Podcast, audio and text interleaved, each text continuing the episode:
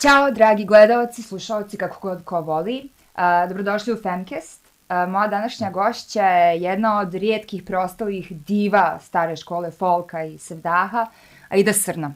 Mislim da svi sa Tuzlanskog kantona znaju uh, ko ste vi, zato što svaka nova godina, Bajram, vi ste na televiziji i imate taj um, old-timerski, ali onako vječni, klasični ovaj uh, stil. Uh, ugostila sam vas danas zato što uh, mislim da je jako bitno da pričamo o ženama u muzici u Bosni i Hercegovini, uh, koje su opstale toliko dugo. Mislim, niste vi stari da se ne uvrijedite, nego mislim da ste nekako, to je bila vaša prva profesija i, i ovaj, tako je i ostalo. Jer ono s čime se jako često srećemo ovde je da ima puno talentiranih pevača i pevačica, međutim svi nekako upišu pored toga, ono, neki drugi fakultet kao, kao sigurica i mislim da je poprilično ovaj, deskriptivno uh, globalno stanje u državi, uh, sudeći po tome ka, u kojoj se ovaj, situaciji nalazi muzička industrija u Bosni i Hercegovini danas. Uh, tako da dobrodošli. Hvala, bolje te našla. Hvala vam ovaj na povjerenju. Znam da, da ne volite nešto pretjerano često ovaj, da, da dajete intervjue, tako da baš sam počešćena.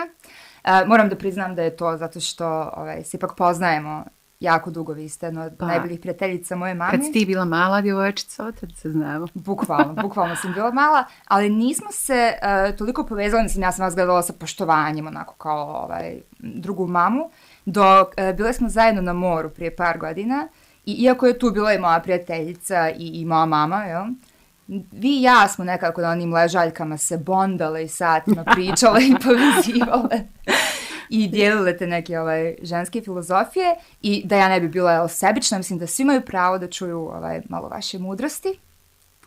Pa prije svega ću pozdraviti sve tvoje slušatelje i, i gledatelje.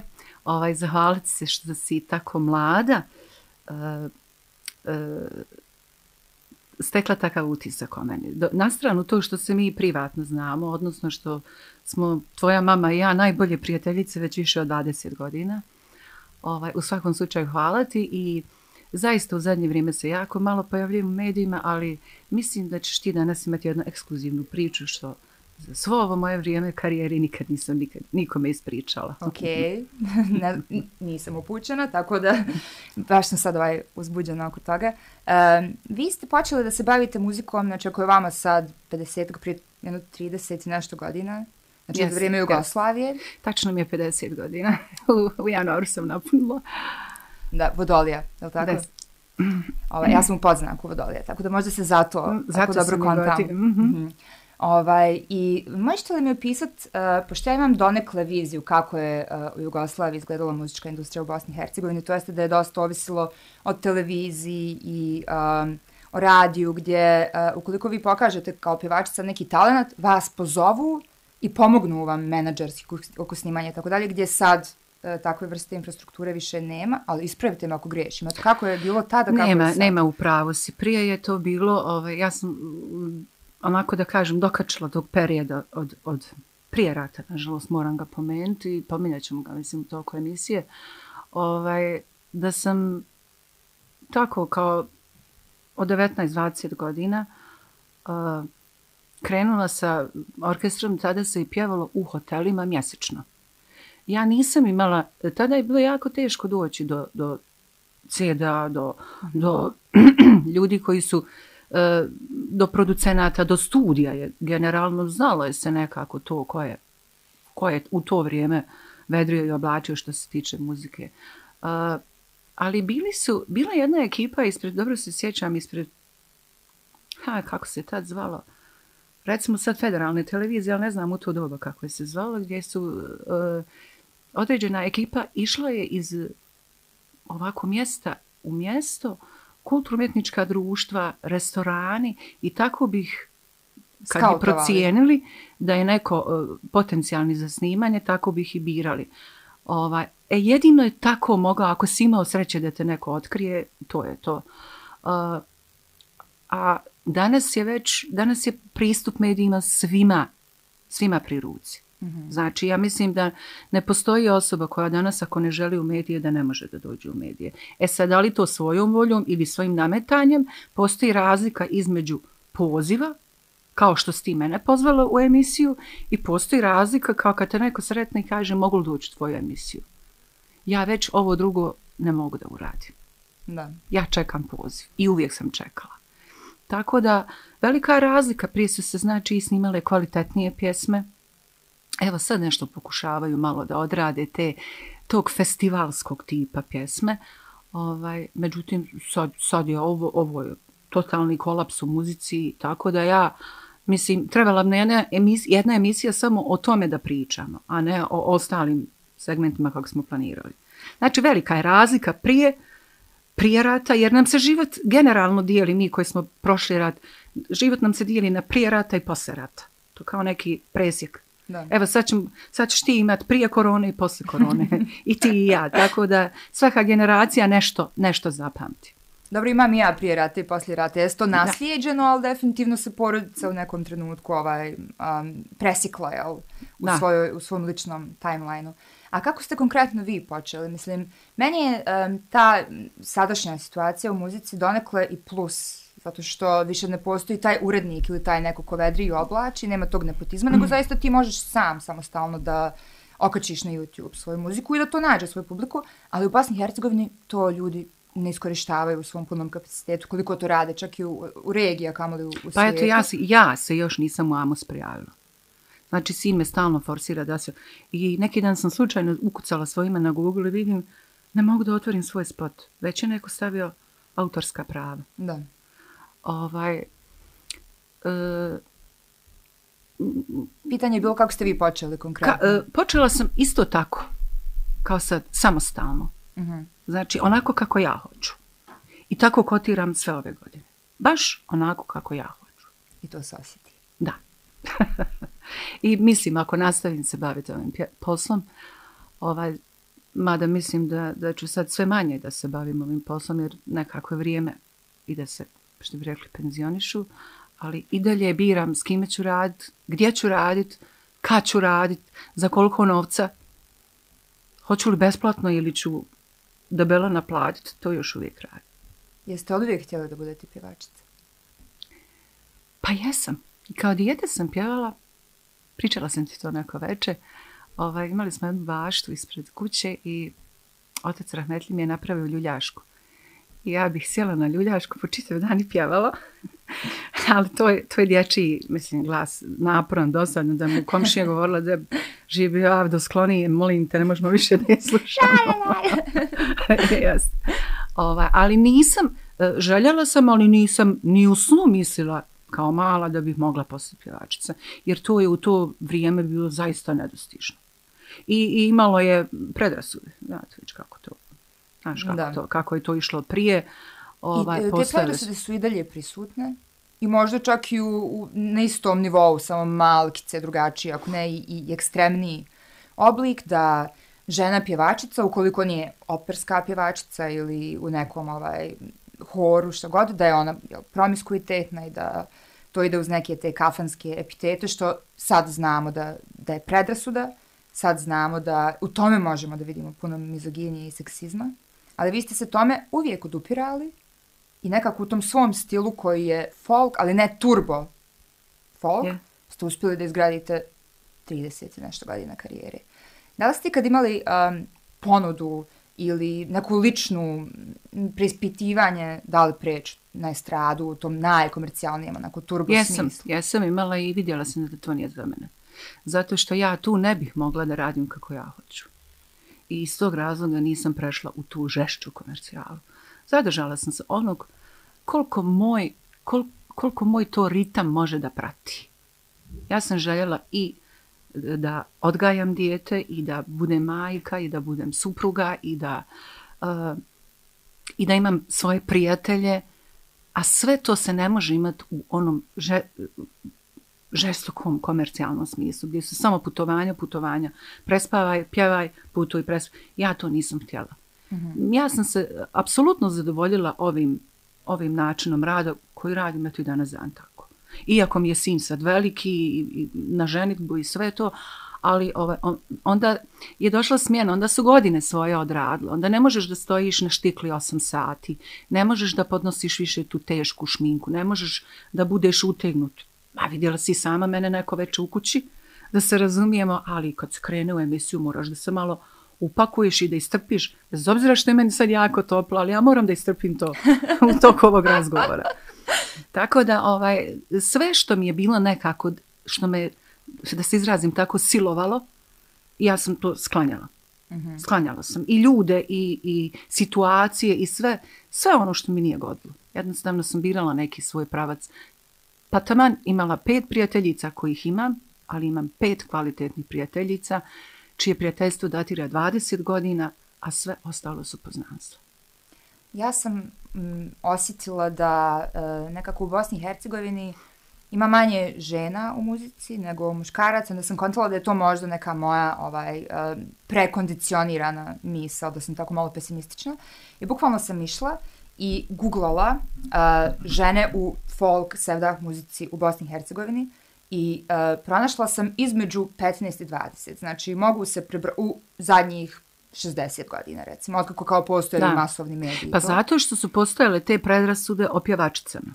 Da. Zato što su mislili da mi niti kuhamo, niti peremo, niti, ne znam, plačemo, niti uh, uh, imamo neki sasvim normalni život kao, kao i svi ostali.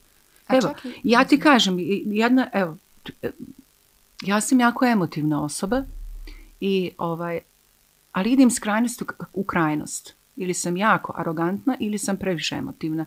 Sve, svakom po zasluzi. Ja ću ti reći da, sam, da mi se dešavalo da idem bezbroj puta ulicom i da plačem. Iz kog razloga sada ne nabrajam. Uh mhm. -huh. Ali jednostavno, ja ne krijem te suze. I uopšte me ne interesuje što će me neko vidjeti da ja plačem. Ja sam u svom filmu, u svom svijetu. Za Boga milo, ko ne plače. To je pozitivna diskriminacija za žene u ovom ovaj, tradicionalnom sistemu. Muškarac ne može to sebi, nažalost, da... da pa, opusti. nažalost. Nažalost, ali vjerujte, vjeruj da bi, vjerujte, mislim da persirate, pošto nas ima ovdje četvoro, ovaj, mislim ovako na sve, bilo bi poželjno da, da se ti stereotipi malo pomjere, jer i muškarci su emotivna bića. Da. I oni trebaju da plaču. Pa, da, da. Pa i zadesi se, mislim, na, i na veseljima sam vidjela, i na sahrana sam vidjela da ljudi plaču, ali to, to su ti, samo tad im je kao odobreno da plaču. Ne, treba i muškarac onako muški da se isplače, kad mu je svega preko glave. Ja sam imala tu privilegiju da sam vidjela svog tatu nekoliko puta u životu da plače i znam da kad sam onako odrasla i shvatila da je to ovaj društveno poprilično neprihvaćeno, to jeste i smijavano u, u najviše slučajeva, da sam osjetila koliko je to privilegija, da većina mojih prijateljica nikad nisu vidjela svog tatu kako plače. A zašto? A zašto razmišljate o tome šta će drugi ljudi reći? Zašto? Znači, meni je bitno mišljenje mojih, mojih najbližih ljudi oko mene. A ti ljudi me shvataju kad plače. Da, da. Tako isto i za muškarce. Ma nije Bogom dato da sa svima moramo pit kafu. Zašto nam je toliko bitno svačije mišljenje? Meni nije. Ja se samo držim te, te, te jedne moje, ja sam onako učahurena poprilično i kućni sam tip, ja se držim tog kruga ljudi pred kojima mogu i da se smijem i da plačem i istovremeno i da se smijem i da plačem. Jel me razumiješ? Um, ali ovaj, isto tako koliko je pjevački posao zna biti jako komplikovan, pogotovo za, za ženu u Bosni i Hercegovini. Opet ima vjerovatno i neke privilegije, pogotovo kad odgajate dijete paralelno. U smislu da imate fleksibilno radno vrijeme, svoj ste gazda. To jeste, da li ste ikad imali neku vrstu staklenog stropa iznad sebe koju je postavilo društvo? Ovaj, um, da su vas usmjeravali u smislu kako da se obučete, kako da pjevate? Ne, kako? ne odmah ću te presjeći. Mm -hmm. ovaj, pjevanje ima, je, najbolja strana pjevanja je to što uh, imate priliku da putujete i naravno da zaradite novac. To je ona najljepša strana. Uh, meni je isto bilo jako važno da kad idem na večer da pjevam, dok ja pođem, moj sin zaspi kad je bio mali. Tako da on moje odsustvo nije ovaj, primjećivao uh, imala sam dan čitav pred sobom, tako da ovaj mogla sam da se pozabavim oko njega. Uh, e sad, te, te, s, s, e, samo su te predrasude negativna strana. I ako i sad mora neko biti ko to kanališe. Recimo, moj otac Rahmetli je to malo onako iskanalisao. Uh, kad, kad sam trebala s jednim orkestrom da počnem pjevati, on je rekao, želim da mi dođu svi sa suprugama na sjelo. Ovako, pošto sam ja odrasla u Gornoj Tuzli i danas dan se kaže na sjelo kad se ide negdje. I došli su i oni me onako, očito da lijep ders, kako da se ponašaju. Mm -hmm. I za, onako, pri, priprijetio ih onako blago, onako kao roditelj, nemojte da je povedete stramputicom. I zaista, e, mogu da zahvalim mom ocu i, i tom bendu koji me nisu odali na stramputicu. Kroz njih sam ja počela da gradim neki svoj imidž u oblačenju, u ponašanju, u pjevanju. Nisam pjevala po svaku cijenu, svaku pjesmu. Ako mi se ne sviđa, ja neću pjevati, aman da je hit, ne znam kogi. Znači, jednostavno ne znam je. Mm -hmm. I ne znam je. Pjesma mi nije legla, ne ulazi mi u glavu, ja je zaista ne znam. Ispričali ste mi nešto ovaj, zanimljivo da dok još niste profesionalno počeli da pjevate, tata vam je branio da se oblačite to minići kao ovaj, da. neka moderna. Vi ste to htjeli, jel? I onda kad ste mogli... Jes, uh, ja sam tad bila, e, kao djevojka sam bila baš mršavica, onako vitka. I generalno moja struktura tijela mi je dozvoljavala da nosim i mini. I ja sam željela to, kao i svaka djevojka, međutim, on mi nije dozvoljavao. Rekao je samo ispod koljena suknje. I ovaj, ja, šta ću, ja sam to nosila i to su prihvatili muzičari. Jednostavno, u to vrijeme im je trebalo pjevačica i prihvataju sve. Međutim, kad sam se... Uh, uh, tako je u Gornjoj Tuzli, tad bila je mala sredina, znaš, kad se udaš, ako ti muž dozvoli, radi šta hoćeš. I ja kad sam se udala, ovaj, muž me dozvoljavao da nosim mini ili kratke pantalonce i. Međutim, ja sam to nosila onako po gradu, ali kad bi trebala da idem pjevati, ja bi se oblačila po onom načinu kako je moj otac tražio, jer sam vidjela da taj imidž u mom pjevanju tako dobro kotira. I onda kad sam smjela da nosim mini, ja ga nisam htjela da nosim. Mm -hmm. Zato što sam fino prolazila sa, sa tim pristojnim oblačenjem i tako sam stvorila taj svoj imidž. I ispričajte mi kako je bilo vaše iskustvo odgajanja uh, sina kroz, znači, postratni period, rane 2000-te, Bosna i Hercegovina koja je i dan danas jedna ovako država koju treba izlječenje podhitno i uz to kombinovat uh, jednu tako žestoku industriju kao što je muzička industrija, u ko koja je prosto neizvjesna. Pa evo, sad ću ti reći, nešto što nisam do sada otkrivala onako baš direktno u emisijama, to je kažem ekskluzivno, oni koji znaju, to i znaju. Ja sam bila udata za doktora Anisa Srnu, koji je 95. mjesec dana prije potpisivanja Daytona poginuo spašavajući život ranjeniku. I ja sam ostala sa majkom i sa bebom u 9 mjeseci. Idris je tad imao 9 mjeseci. A, mislim da mi je trebalo 10 godina da se pomirim s tim da mi je muž poginuo, jer mi smo tek bili u braku, tek mi se, ne znam, dvije godine smo bili u braku, ovaj, godinu i po smo se zabavljali, tako da sam ostala na pola. Da bi mi kroz dva mjeseca posle Enisove dženaze i otac umro. I ostali smo tako nastroje. Nisam znala da će mi biti To se zove katarza. Prolazila sam ja kroz katarze.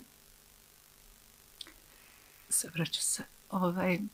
Slobodno. Ostala sam sama na, na pola puta. Dva najveća oslonca u životu. Kako da kažem, su me ostavila. Nisu namjerno. I jedini motiv za život je bio moj sin.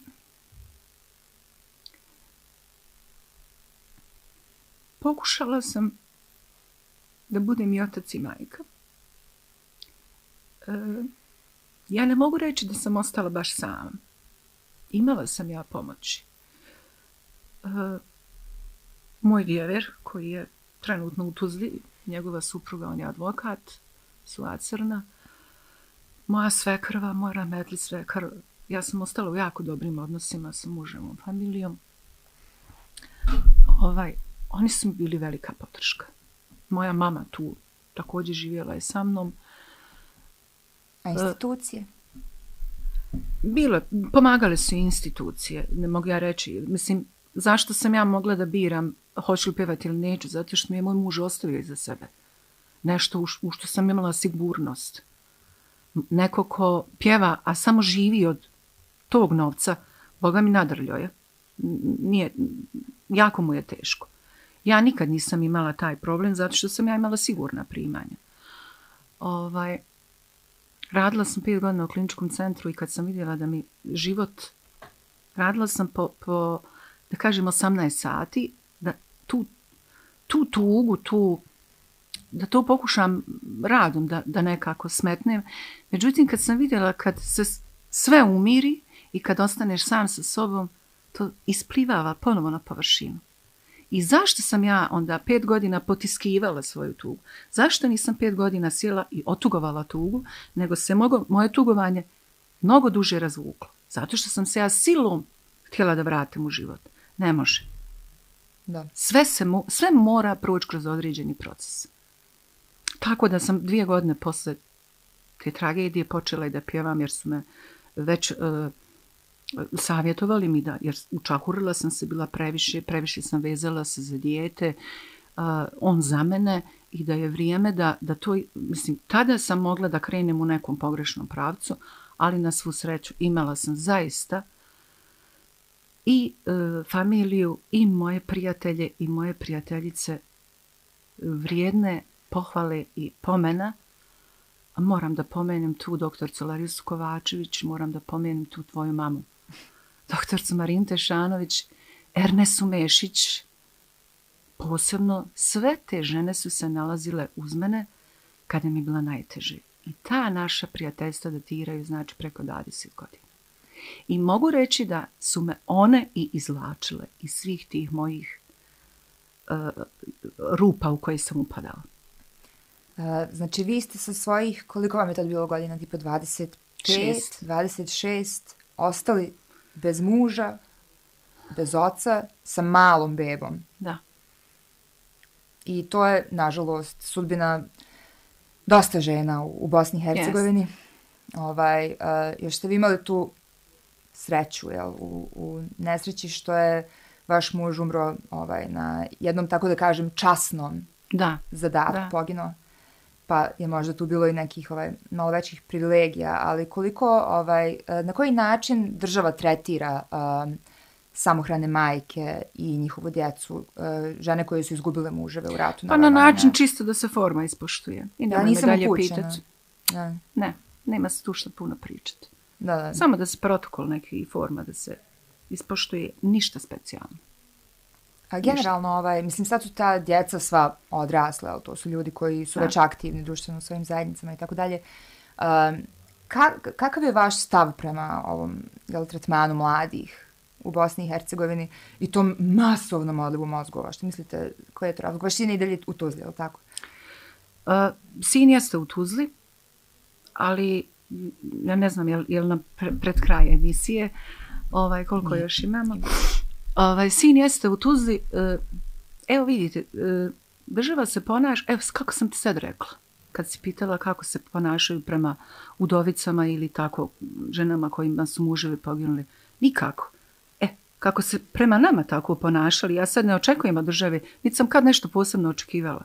Ja sam odmah imala, brzo sam ja sam tugovala, ali sam napravila planove kako dalje. Naravno, uz pomoć određenih ljudi. Ja ne mogu reći da sam sve sama.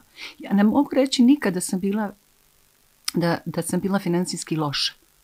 Ja sam uvijek imala dovoljno novca. Ali, ali je moje srce načeto. Razumiješ, da. tu, tu emocijalno, emotivnu stranu e, nikako nisam mogla da... Ali eto, bilo je žena recimo koje niti imaju dovoljno primanja, pa imaju bolesno dijete, pa su ostale bez muža. Znači, bilo je takvih situacija. Ja ne mogu, ja mogu reći hvala Bogu da sam rodila zdravo dijete, da odrasla zdravo i da sam uvijek imala dovoljno novca. Eto, to mi je neka olakšavajuća da, okolnost, da sam mogla i da otputujem i sa djetetom i sama i kroz posao. Ovaj, eto, to mi je. A što se tiče odliva omladine, pa, Boga mi neki dum ja ne mogu reći da, da, ovaj, da ostanu. Nemaju gdje ostati. Evo, ja imam lični primjer. Moj suprug je jedini ljekar, jedini ljekar iz kliničkog centra koji je poginuo. Znači, bio još jedan doktor, odnosno, eto, ljekar doktor, koji je bio absolvent. E, za svaki direktor za vrijeme svog mandata je uposlio jedno šehidsko dijete poginulog borca e, u klinički centar. Ili da odradi pripravnički, ako je bilo upražnjeno radno mjesto, zaposlili su. Samo ovaj sadašnji, moj Idris je ostao jedini, Idris mi se sin zove, on je ostao jedini samo za vrijeme mandata direktora Jusufovića. On se nije udostojio ni pet minuta telefonski da obavi razgovor sa mojim sinom. Koji se regularno, pazite, regularno prijavljivao na sve konkurse. Nikakva štela, nikakvo da je posebno nešto. Korona jeste, nije se mogao sastanak ugovoriti, nije moglo, jer svi idu otprilike na neki razgovor s direktorom, ali se moglo odvojiti pet minuta za razgovor sa mojim sinom. Pa čisto da on procijeni kakav je to kapacitet. A ti, Andreja, znaš dobro mog sina. Ovaj, Ma bez obzira, mislim da svom bivšem zaposleniku treba odati čast. Upravo to, način, znači jel? da mu je omogućen bar pripravnički da odradi. Čak ni to. Management UKACA se nije udostojio ni to da uradi. Da, mislim, zaposlenje u Bosni i Hercegovini, zaposlenje mladih, jedan apsolutno gorući da. problem na kojem se ne radi. Ovaj, ali ne bi ja išla pretirano na te ovaj, crnjake, mislim da smo svi pa, svakodnevno bombardirani. Jes, jes, mislim, moj sin odrađuje pripravnički, nije to nikakav problem, on ima dva posla, ti, ti to, ma da, ti to da. znaš. Snalaživ je on, ali sve Evo, je stvar principa. Ma, magistarski je pripremljen, sam čekamo da se korona malo stiša, da se možemo iskupiti, jer mi smo nešto familija, ovaj, vas da tražimo razlog za dernek, znaš, ovaj, pa da i odbrani taj magistarski da bismo eto mogli barem se iskupiti na ručak, na, na, neku fešticu i tako. A evo zamislite sad uh, 2021. i da vi sad imate 20, 21, 22 godine. Volite da pjevate, znate otprilike da je to ovaj, Opet bi isto. ono gdje, ali šta biste konkretno vi preporučili Aidi Srni, ovaj, koja je, ne znam, 2000 to godište? Kako bi sad ona započela karijeru? Jer ono što ja vidim kao neki ovaj pattern ponašanja je da u Bosni i Hercegovini ne postoji uh, produkcija koju možeš da se obratiš, osim eventualno hajat, ali to je jedan specifičan žanr. Mm -hmm. I da sve mlade pjevačice i pjevači idu u Beograd, u Grand Pink, ono, i da tamo grade svoje karijere i da onda tamo na kraju krajeva i ostanu. Uh, da li biste vi išli tim putem ne. ili biste samostalno? Ne bih, evo, mene je sin, uh, bila je emisija Nikad nije kasno. Ne znam, još uvijek se ta emisija ovaj, emituje. I sin me uporno, ajde mama prijavi se, malo, eto, da razbiji taj neki, ja kažem, njemu nema, meni život nije monoton. Kod mene ili je mnogo frekventno, ili sam sama, ali ja uživam u svojoj samoći. Znači, ja nemam problem da budem sama. Ovaj, e, nisam htjela da se tu prijavim. Ne iz razloga hoću li ja osvojiti neko, hoću li se dobro plasirati ili ne. Pa eto, mogla sam, ako ništa, da sebi podignem neki ajde rating i da više imam posla, međutim nisam. Ovaj, I kad bi danas počinjala, počela bi isto onako kako sam počela u ono vrijeme sa 20 godina. Ništa ja to ne bi promijenila. Dobro, to je ovaj vjerovatno e, spokojna stvar za, pa, za osjećat. Ja, yes. I ja, želim svima da se tako osjećaju. Ono, ja generalno ništa ne bi mijenjala u svom životu. Osim te tragedije koja mi se dogodila, ja za sve ostalo mogu reći da sam rođena pod sretnom zvijezdom. Zaista. Ja nisam imala problema ni sa vaspitavanjem sina, ni sa odgojem sina. On se nekako, on je dobar, on se rodio vaspitan. Ja nisam, ja sam do trećeg razreda radila s njim zadač, ostalo je sve sam radio. Sam je naučio da dva jezika, sam je naučio da programira, sam je upisao fakultet, završio ga. Ja sam dva puta za četiri godine studija rekla uzmi uči. El, Samo dva puta. Ima barem malo veze s tim što je odrastao u nekoj vrsti matriarhalne porodice s vama i sa vašom mamom, znači sa, sa nenom majkom, sa dvije žene. Ma, uh, on je uh, on je kroz, moram reći nekako da sam mu ja bila kao uzor.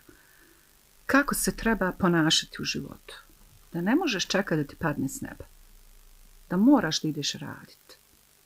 Da ako ne radiš, nemaš ni novca, ne, e sad, uh, on je malo u sjeni, on nije u javnosti kao ja, niti to želi, recimo, ovaj, mm, ali mislim da je, gledajući tako, mama ide da radi, mama uh, priprema CD, mama sluša muziku, mama ide u studio, mama ide na, na koncert, ne znam nijagdje, da je on vidio u stvari od malih nogu da se treba raditi. I onda je on odabrao one profesije koje najviše voli, u, u njegovom slučaju su dvije, i jednostavno krenuo je tim stopama. Da. A, um, ne znam, mislim, ja ne slušam toliko intenzivno folk i sevdah, ali to je nešto prema čemu ja imam ogroman respekt.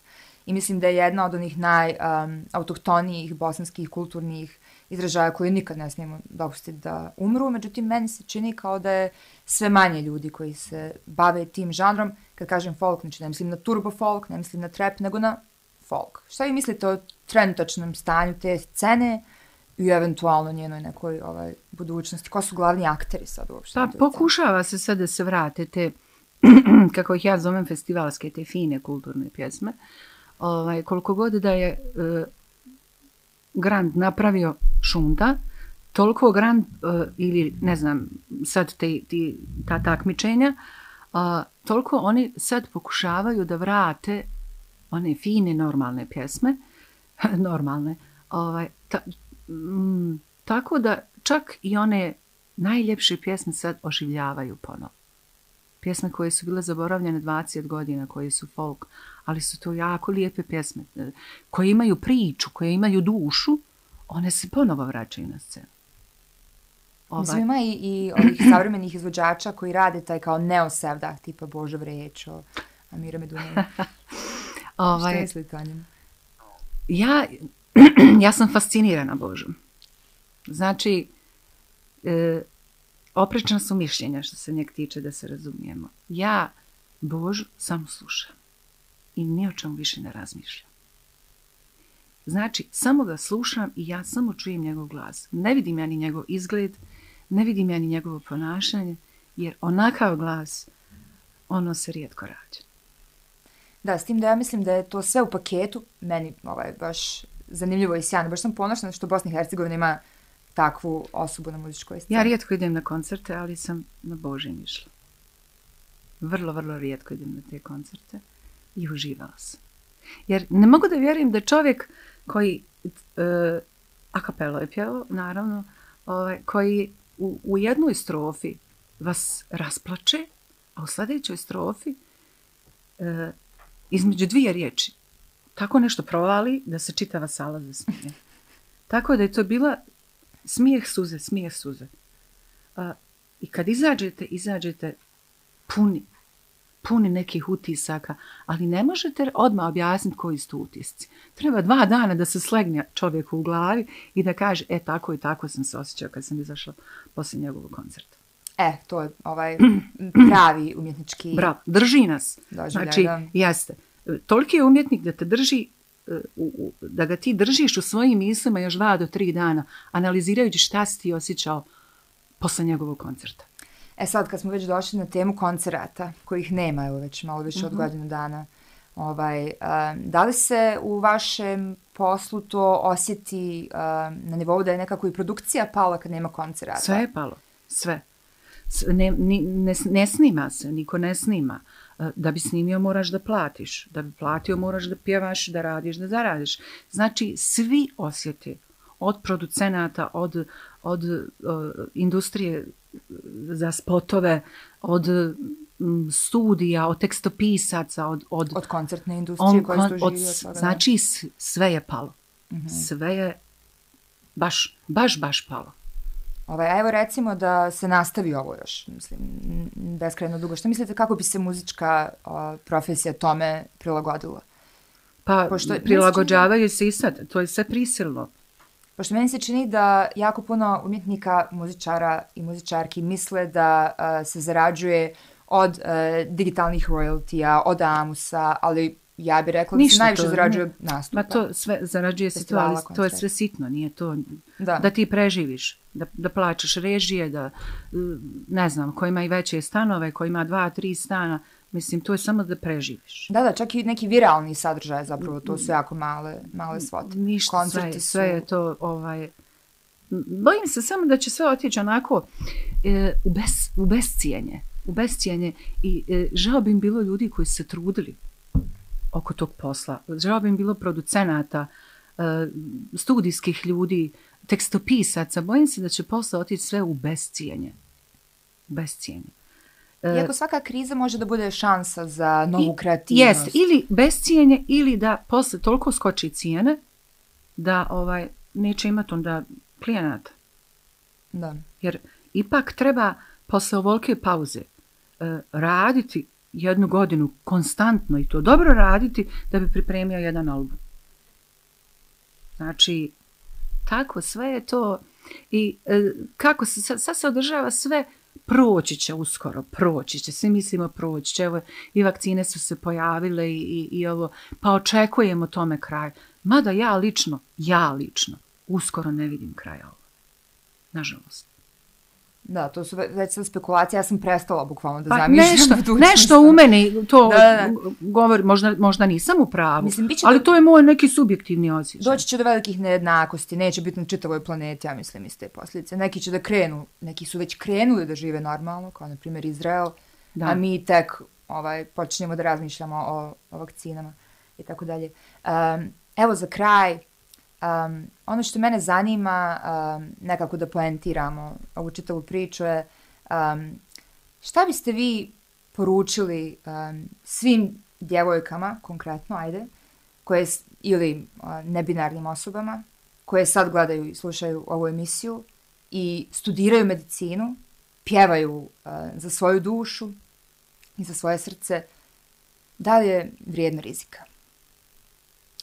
Znaš šta, ja sam odrasla sa ovaj, muškim djetetom, tako da ja nemam taj osjećaj toliko za žensko dijete. Iako ovaj, moj sin ima djevojku, dugo se zabavljaju i kažem 100% volim Idrisa, a Anelu volim 95%. Znači, zaista je volim. I volim je kao osobu, ne kao njegovu djevojku. Volim je kao osobu. I nekako mi je ona uh, upotpunila tu prazninu, to što mi fali žensko dijete.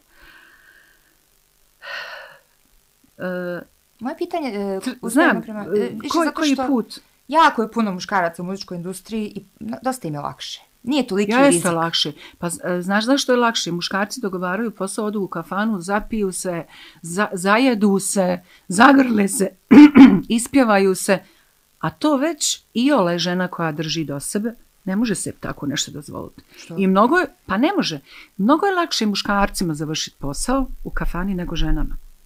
I ne, ne možete se vi, ako se muško društvo zapije, ne možete se vi spuštati, ovaj, možda sam ja malo staromodna, na taj nivo pijanog muškarca. Nekako to muškarcu, ajde i nekako stoji, ali kad vidiš pijanu ženu, Ne, ne razumijem šta ćete da kažete. E, to hoću da ti kažem. Oni su ovaj, malo onako e, raskalašniji. E, možda. pa jeste. Iako ne treba generalizirati, ali... Ovaj, mislim da bi roditelji ove mlade djevojke trebali da prate. Ovaj, ima dosta ambicioznih roditelja koji guraju djecu tamo gdje djeca neće. E, Te djece im je najviše žao. Ovaj, e, mislim da sve mlade djevojke trebaju da pokušaju u dogovoru sa roditeljima da idu onim putem koji one žele. Da li to bila medicina i da li to bilo pjevanje. Ali samo s, e, s, samo sam alergična na te preambiciozne roditelje. Jako sam alergična na njih. Zato što im dijete mora završiti ono što oni žele. Ne, pustite djecu neka biraju svoj put i neka uče, onako pomozite im. I nemojte im govoriti, e da si išao na ovaj fakultet gdje sam ti ja govorila, bolje bi prošlo. Pustite da dijete samo to procije. Bojim se da ako ostavimo roditeljima da procenjuju, neće dozvoliti nijednoj ovaj, kćerci da se bavi muzikom u Bosni i Hercegovini. Hoću ja ti kažem, pa ima tih ambicioznih roditelja, i ambicioznih djevojaka po istom pitanju. Da, I samo onda što, je to- onda je je simptomatično to da mi nis, nemamo veliku pjevačku zvijezdu u zadnjih, evo, deset godina Osim recimo Maja Berović koja nije gradila karijeru u Bosni i Hercegovini, jesna na početku, ali sad je već... Sad će se ići na to, daj mi da zadovoljim srcu želju. Razumiješ? I da ovaj, e, smirim tu svoju radoznalost. Mnogo je njih pokušalo iz radoznalosti. I zaustavilo se na tom putu, nije išlo dalje. Vidjelo da nije to to. Ali ima i onih koji, su, koji pokušavaju da guraju do kraja. Međutim, mnogo, mnogo se sad para vrti oko tog da bi se postala tipa Maja Berović. Mnogo, mnogo novca za to treba. Da. Tako da, boga mi nek, onako, nek pjevuše za svoju dušu, za svoje društvo, za svoj džeparac, ali pored tog nek završavaju neku školu koja će im omogućiti posao da li ovdje ili u inostranstvu nije važno. Da, činjenica malo tržište, stakleni da. strop, puno je tu mizoginije i ovaj... Mislim, ja imam masu prijatelja gdje im djeca idu na fakultet i završili su muzičku školu. To znači djeca su htjela u muzičku školu i to podržava. Ali imaju ono osnovno što mi zovemo sigurica. Završili su fakultet ili ne znam, zaposlili se. To je ono što je sigurno. Ali šta će biti naša nacija muzike, bez muzike? Pa ne, Ako ne bude muzika će uvijek biti. Muzike će uvijek biti. Da, sve manje i manje Ali to je nesiguran posao. Da. To je jako nesiguran posao. Tako da svim i momcima i djevojkama preporučujem Bavite se pjevanjem, ali učite. Završite školu, fakultet. I mislim da svi koji istovremeno to radi ne mogu otići stramputicu. Neće pjevat bilo kakve pjesme. Neće pjevat po svaku cijenu. Jer ipak, ako su oni pri nekom univerzitetu, ipak tu ima nekog malo podloge, nosi se i tog znanja iz, sa fakulteta ili iz škole ili, ili iz porodice. Kako vi privatno slušate? Kako muziku? Ha, ja se, se u zadnje vrijeme dosta bazirala na neke te dobro stare pjesme koje su bile aktuelne kad sam ja bila djevojka. Tako da ovaj, e, od ovih folk volim da slušam. Meni je problem kad idem negdje na muziku, evo sad ću da ti kažem, kad idemo s društvom negdje na muziku i kažu dobra muzika, rekao odlično, ajde I ja dođem tamo, oni se nešto ubijaju, dižu ruke, a meni paraju uši. Znači, da bih ja uživala u muzici, kad izađem negdje, ta muzika mora biti fantastična.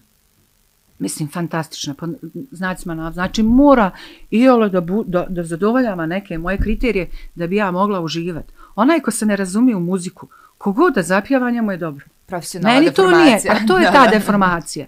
I onda ja kad biram izlazak, u zadnje vrijeme biram tamo gdje su tamburaši. Jer tu, tu se ne može profulati. To su jako lijepi glasovi, u tom uživa. Eto, preporuka. Ukoliko možda dijelite ovaj isti muzički uh, ukus, kao moja gošća tamburaš i like, share, subscribe, subscribe i vidimo se uskoro. Ćao! thank you